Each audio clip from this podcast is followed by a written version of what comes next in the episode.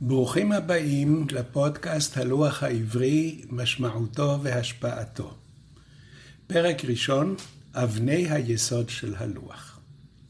סדר הזמנים שאנחנו חיים על פיו בנוי מאבני יסוד משני סוגים.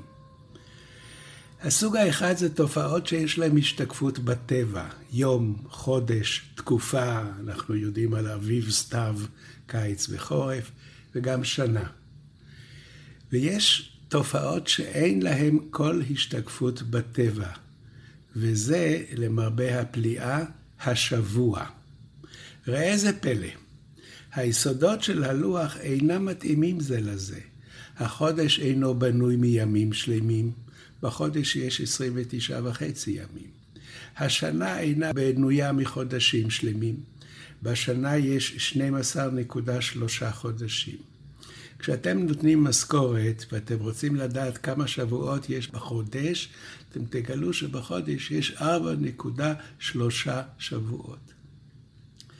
מבנה הזה הוא דומה ליחסים בין המידות בארצות הברית.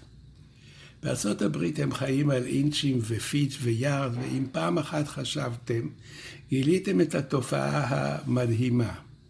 האינץ' הוא שניים וחצי סנטימטר. הרגל, הפיט, כ-30 סנטימטר. היארד, 91 סנטימטר. המייל, 1.6 קילומטר. כמה אינץ' יש ברגל, כמה יארד יש במייל, כמה רגל יש במייל. יש כאן מערכת מידות שאין קשר בין אחת לשנייה. כך מתנהג הקוסמוס. יש מערכת זמנים לכל אחד ממרכיבי העולם. יום, חודש, שנה. אבל הזמנים אינם נמצאים על סקאלה אחת. כל מידת אורך, כל יחידת זמן פועלת בנפרד. והמידות אינן דומות לשיטה המטרית שאנחנו מכירים, 100 סנטימטר, מטר, אלף מטר, קילומטר. לא, שם כל יחידת זמן מככבת לעצמה. יש רק שני מרכיבים בלוח שהם מתאימים זה לזה. השבוע בנוי משבעה ימים שלמים, בדיוק. אבל אין בטבע פעולה הנמשכת שבוע, אין גם בטבע תהליך שהוא בין שבעה מרכיבים. בני אדם חיים לפי הלוח. תוציא את הלוח מסדר החיים והעולם הופך להיות תוהו ובוהו. האתגר של בוני הלוח הוא גדול. נתחיל לדבר על היום. הזמן בנוי מרצף של ימים. כדי להבין את מבנה הלוח, נתחיל את הדיון ביממה, הנחלקת ל-24 שעות, חלקם אור יום וחלקם חשכת לילה. היממה מתחלקת לשניים, יום ולילה. היחס בין היום והלילה תלוי בשני דברים, בקו הרוחב של המקום שאנחנו נמצאים בו ובעונת השנה. נבדוק את העניין של קו הרוחב. בקו המשווה הימים והלילות שווים.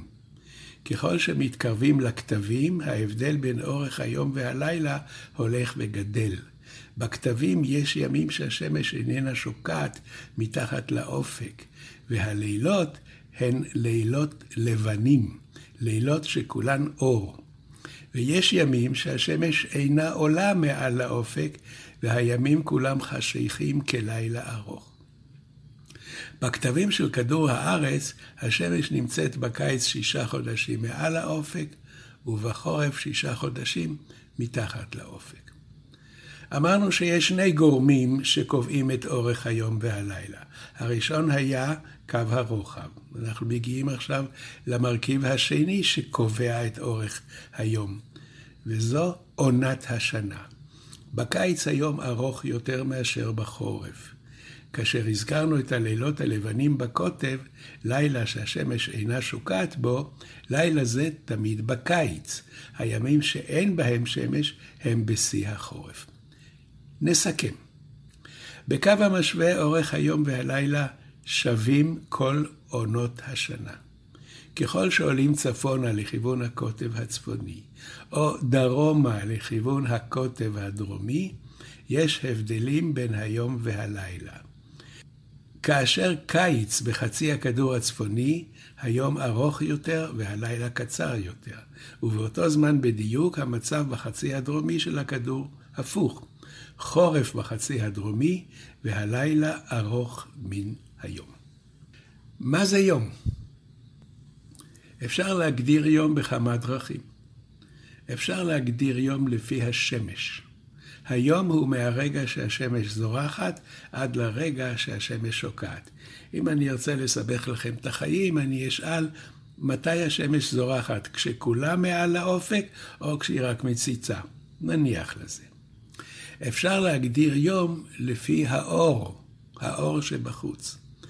היום הוא מאותו רגע שרואים במזרח אור ראשון, כאשר השחר עולה, ועד לרגע שהאור האחרון כבה וחשיכה על הארץ, זהו אורכו של יום. שתי הגדרות אלה קיימות גם בהגדרות ההלכתיות של היום. יש הגדרה אחת שקוראים לה על שם הגאון מווילנה, אבל היא קדומה יותר. היום הוא מזריחה עד שקיעה. ויש הגדרה אחרת שהיא קרויה על שם רבי אברהם אבלי מגן אברהם, והוא אומר שהיום הוא מעלות השחר ועד צאת הכוכבים. עלות השחר זה אור ראשון, צאת הכוכבים, קווי האור האחרון.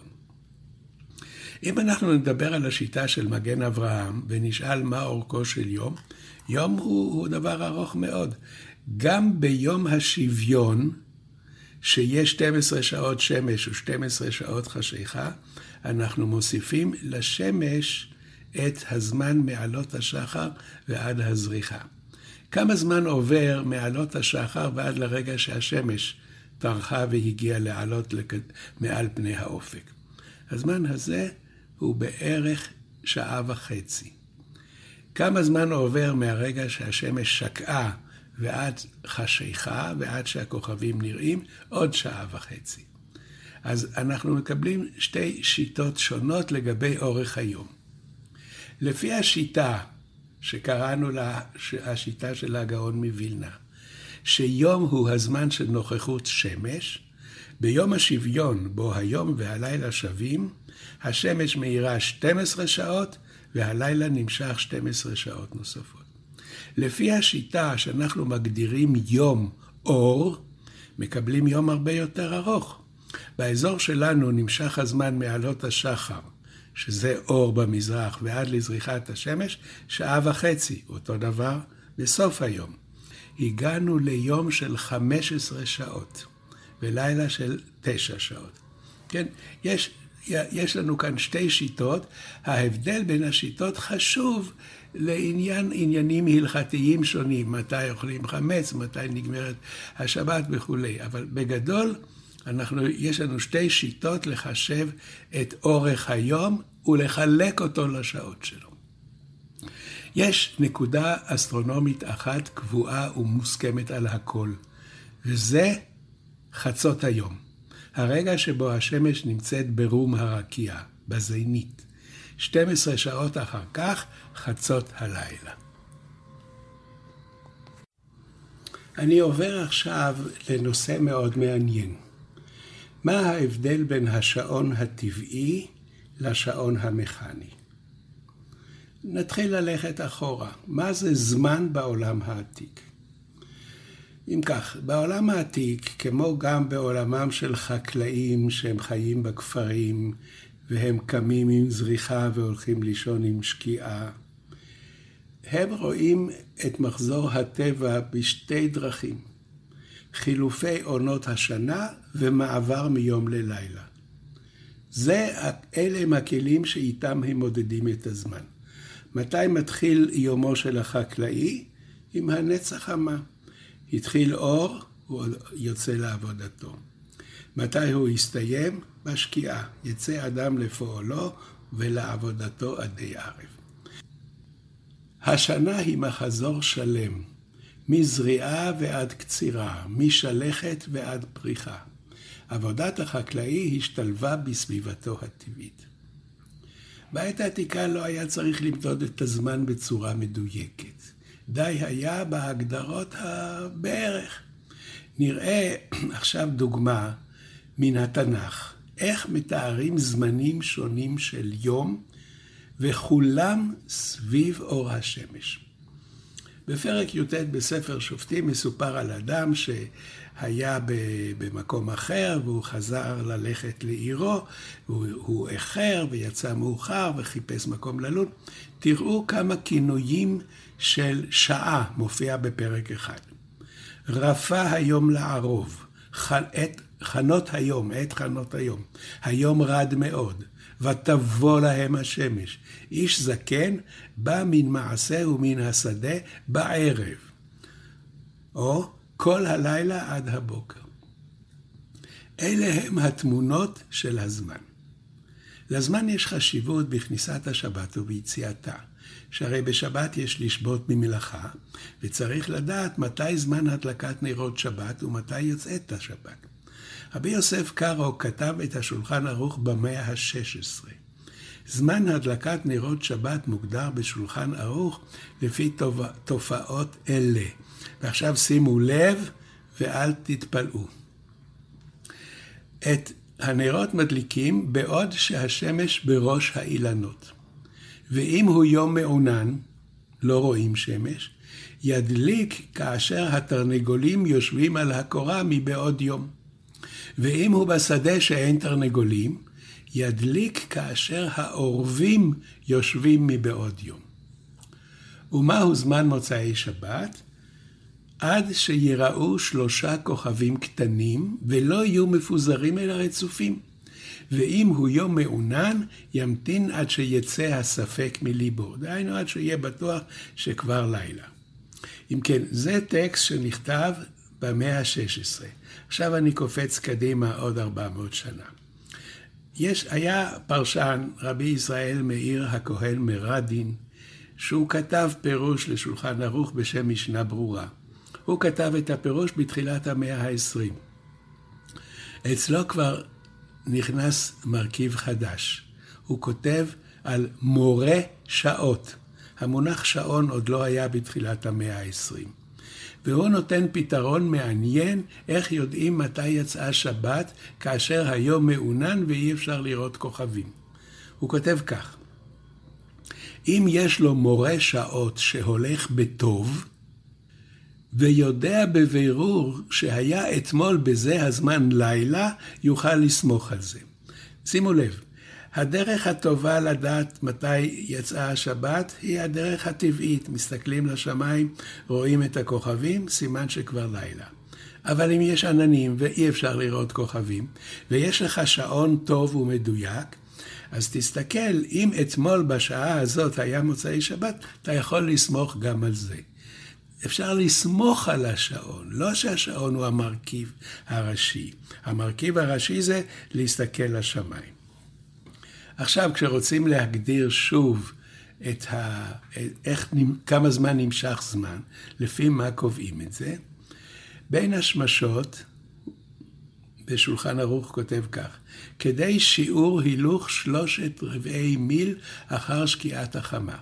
ושיעור הליכת מיל הוא שליש שעה פחות אחד משלושים של שעה. סיבכתי אתכם. אז בקיצור, שליש שעה זה 20 דקות, אחד משלושים של שעה זה שתי דקות, 20 פחות 2, 18, בין השמשות נמשך 18 דקות. תראו כמה מסובך הוא נותן מידות כדי להגיע למספר 18 דקות. אנחנו לא היינו מעלים על הדעת מה זה 18 דקות, זמן שהולכים שלושת רבעי מיל. אם כן, קנה המידה היה צאת הכוכבים, שקיעת החמה, זמן הליכה, אלה הם נקודות שהזמן סובב סביבם. אני רוצה לספר אנקדוטה נחמדה. הלכתי פעם לבית הכנסת לתפילה בליל שבת. האוויר היה בהיר, והנוף כלפי מערב היה פתוח ויפה. השמש הייתה במערב, היא התקרבה לשקוע, עוד לא החלה לשקוע. השמיים זרחו באור יקרות. בא מולי נער צעיר ושאל אותי בדאגה, האם יודע אתה באיזה שעה השקיעה? אמרתי לו, תסתכל לשמיים, הנה השמש, היא גבוהה. הבחור לא העלה על דעתו ששקיעה זה משהו כזה שהשמש יורדת מתחת לאופק. שקיעה זה אצלו שורה בטבלה שקובעת באיזה שעה בדיוק השקיעה. ועכשיו אנחנו עוברים לשלב האחרון של הנושא הזה. לפי מסורת אחת, השעון הופיע לראשונה במאה ה-11. זה היה מכשיר שהבטיח צלצולים במרווחי זמן קבועים בשביל המנזרים. הנזירים היו צריכים להתפלל ולאכול בזמן קבוע במשך היום, זה היה, היה שם משטר נוקשה מאוד, הם היו צריכים צלצולים, בנו להם שעון. רק במאה ה-14 הופיעו שעונים על מבני ציבור בגרמניה. המצאה חדשה גרמה לשעון מדויק, וזה שעון מטולטלת. מטולטלת היא מכשיר, היא מתנדנדת בקצב קבוע. אם שמתם לב, ראיתם שהקצב של הנדנדה, של הנדנוד של המטולטלת, מותנה באורך החוט. ככל שהחוט ארוך יותר, הקצב איטי יותר. אם כך, אפשר לכוון את הנדנדה, את התנועות של המטולטלת לפי הרצון, כאשר מקצרים ומאריכים את החוט. וכך החלק הזה של השעון הפך להיות החלק שגורם לשעון להיות מדויק. עכשיו ננסה לחשוב איך היו מתנהלים החיים שלנו בלי שעון. אנחנו צריכים להגיע לאוטובוס וקבענו פגישה ואנחנו הולכים למסעדה ורוצים לשמוע חדשות ברדיו ורוצים להגיע לתחנת דלק. הכל הכל הכל סביב השעון. זה דבר שבעולמות אחרים, בעולמות קדומים לא היה. איך כותב רבי יהודה הלוי, עבדי הזמן, עבדי עבדים הם. יש סיפור נחמד שאפרים קציר מביא בספר שלו על המדע, והוא מספר על פגישה שקבעו שני אנשים בדמשק. הם קבעו מקום ולא קבעו זמן. והאחד הגיע לדמשק והוא מסתובב בדמשק עד שגם השני יגיע. עד כדי כך הזמן לא היה פקטור מרכזי בחיים. אנחנו היינו עושים הכל, אבל קודם כל היינו שמים שעה ביומן שלנו, באיזה שעה ניפגש. ועכשיו אנחנו צריכים להבין, כבר יש שעון. בנינו שעון והוא מדויק והוא עובד. מה הוא מודד? עכשיו תראו כמה זה מסובך. האורך של היום משתנה לפי עונות השנה. בקיץ הימים ארוכים, בחורף קצרים. השעון שאנחנו משתמשים בו הוא גולם, הוא נותן אותו אורך שעה בכל עונות השנה, בקיץ ובחורף, ביום ובלילה. שעון כזה איננו שעון טבעי. אם אנחנו מדברים על שעון טבעי, והחלוקה הראשית של היום היא זריחה, חצות, שקיעה וחצות לילה, כל רבע מהיממה יש לו אורך אחר. היום הטבעי, שהוא בנוי על חלוקת שעות האור, מחלק את היום והלילה לשעות זמניות. זמנ... שעות זמניות זה המונח ההלכתי של שעה, שהיא 1 חלקי 12 מן היום, או 1 חלקי 12 מן הלילה. כל השעות שבהלכה הן שעות זמניות. כאשר השעונים הפכו להיות שעונים מכניים, קצב פעולתם היה אחיד ביום ובלילה. אבל לכל אזור היה השעון שלו. רק בתקופה האחרונה נקבע שעון שהוא משקף את הזמן בכל העולם ביחידות שעות, ביחידות שוות של שעה. על כך נראה בהמשך. עכשיו נתאר את המעבר. איך הפעילו את השעון כאשר השעון מראה שעות באורך אחיד, אבל החיים מתנהלים לפי היום הטבעי, לפי אורך היום ביום ולפי אורך היום בלילה, כל אחד יש לו 12 שעות. נוצר מצב שהשעון תקתק והתקדם, אבל הוא לא שיקף לא את חצות היום ולא את השקיעה, כי השעון הלך בדרכו שלו. כדי שהשעון ישקף את הטבע, את השמש, את האור, היה צריך כל יום להזיז אותו קצת. זה ייראה לכם מגוחך, אבל היו מערכות שעות כאלה שכל יום הזיזו אותם קצת כדי שהם יהיו מדויקים. אם כן נראה. נתחיל קודם עם השאלה, מתי מתחיל היום? לא היה אחידות בעניין הזה. בלוח היהודי ובלוח המוסלמי, וגם בארצות המזרח, היום מתחיל בשקיעת השמש.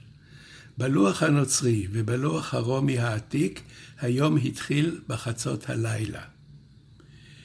המוני העם ראו את התחלת היום בזריחת החמה. היום בכל העולם מקובל להתחיל את היום בחצות הלילה. מה יקרה אם נשתמש בשעון מכני, שהוא מודד שעות שוות בכל שעות היממה, אבל עדיין נרצה ששעת השקיעה או שעת חצות יהיו בשעה קבועה בשעון. השקיעה תהיה בשעה שש וחצות יהיה ב-12. היו שעונים כאלה, והשיטה הייתה כזאת. היה שעון שקראו לו שעון ערבי, אנחנו נפגוש אותו בהמשך השיחות שלנו. בשעון הערבי היה צריך לכוון את השקיעה בשעה 12, כי זה תחילת יום. מה עושה בעולם המוסלמי המואזין בזמן השקיעה? המואזין זה הקריין שקורא ברמקול או בקולו למתפללים לבוא, הוא קורא אותם לתפילת המגרב. תפילת המגרב היא תפילת המערב, תפילת הערב. גם בספרות היהודית קראו לה, לקריאה הזאת קריאת המגרב. כאשר קרא המואזין, הוא קרא בדיוק בזמן השקיעה. השומעים היו מכוונים את שעותיהם לשעה 12, כי זה התחלת היום. כי בשעון הערבי השקיעה היא תמיד בשעה 12. ולכן, אם בערב כיוונו את השעון ל-12, הזריחה 12 שעות לאחר מכן הייתה בשעה 12 בבוקר. אם כן, היה להם שעון שהיה צריך להזיז אותו כל יום לפי השקיעה, ואז השעון היה מותאם. שעון שהוא מראה את השקיעה, אבל צריך להזיז אותו כל יום כדי שהוא יהיה נכון. אם כן, בשעה, ביום השוויון, ניקח אותו כדוגמה, היום והלילה שווים, המואזין קרא, קרא בזמן השקיעה, כולם כיוונו את השעון ל-12, עברו 12 שעות, אנחנו מדברים על יום השוויון, יש זריחה, והזריחה גם היא בשעה 12. זה היה השעון הערבי. השעון האירופי רצה אותו דבר. כיוון שהיום מתחלף בחצות הלילה, רוצים לכוון את השעון כך ש-12 תהיה בחצות היום. עכשיו, אי אפשר לכוון את, השעון בדיוק בחצות הלילה, כי חושך. אבל אפשר בהחלט לכוון אותו בחצות היום, כי זה הזמן הכי נוח מבחינה אסטרונומית להגיע לדיוק. מסתכלים מתי הצל הוא הקטן ביותר והשמש מעל לראש. אם כן, בשעון האירופי היו מזיזים את השעון כל יום לשעה 12 בחצות היום, והיה להם שעון מדויק לפי השעות הזמניות. הנה לכם תקופת המעבר מהשעה הטבעית לשעה המכנית. היום כל העניין הזה פרח, השעה 12 היא חצות הלילה, זה שעה ממוצעת של כל האזור וכל עונות השנה. 12 זה לא בדיוק חצות. אנחנו נמשיך בנושא הזה בשיחות הבאות ונראה איך השעון של היום, השעון המודרני, פועל. האזנתם לקורס בנושא הלוח העברי מאת פרופסור יהודה איזנברג.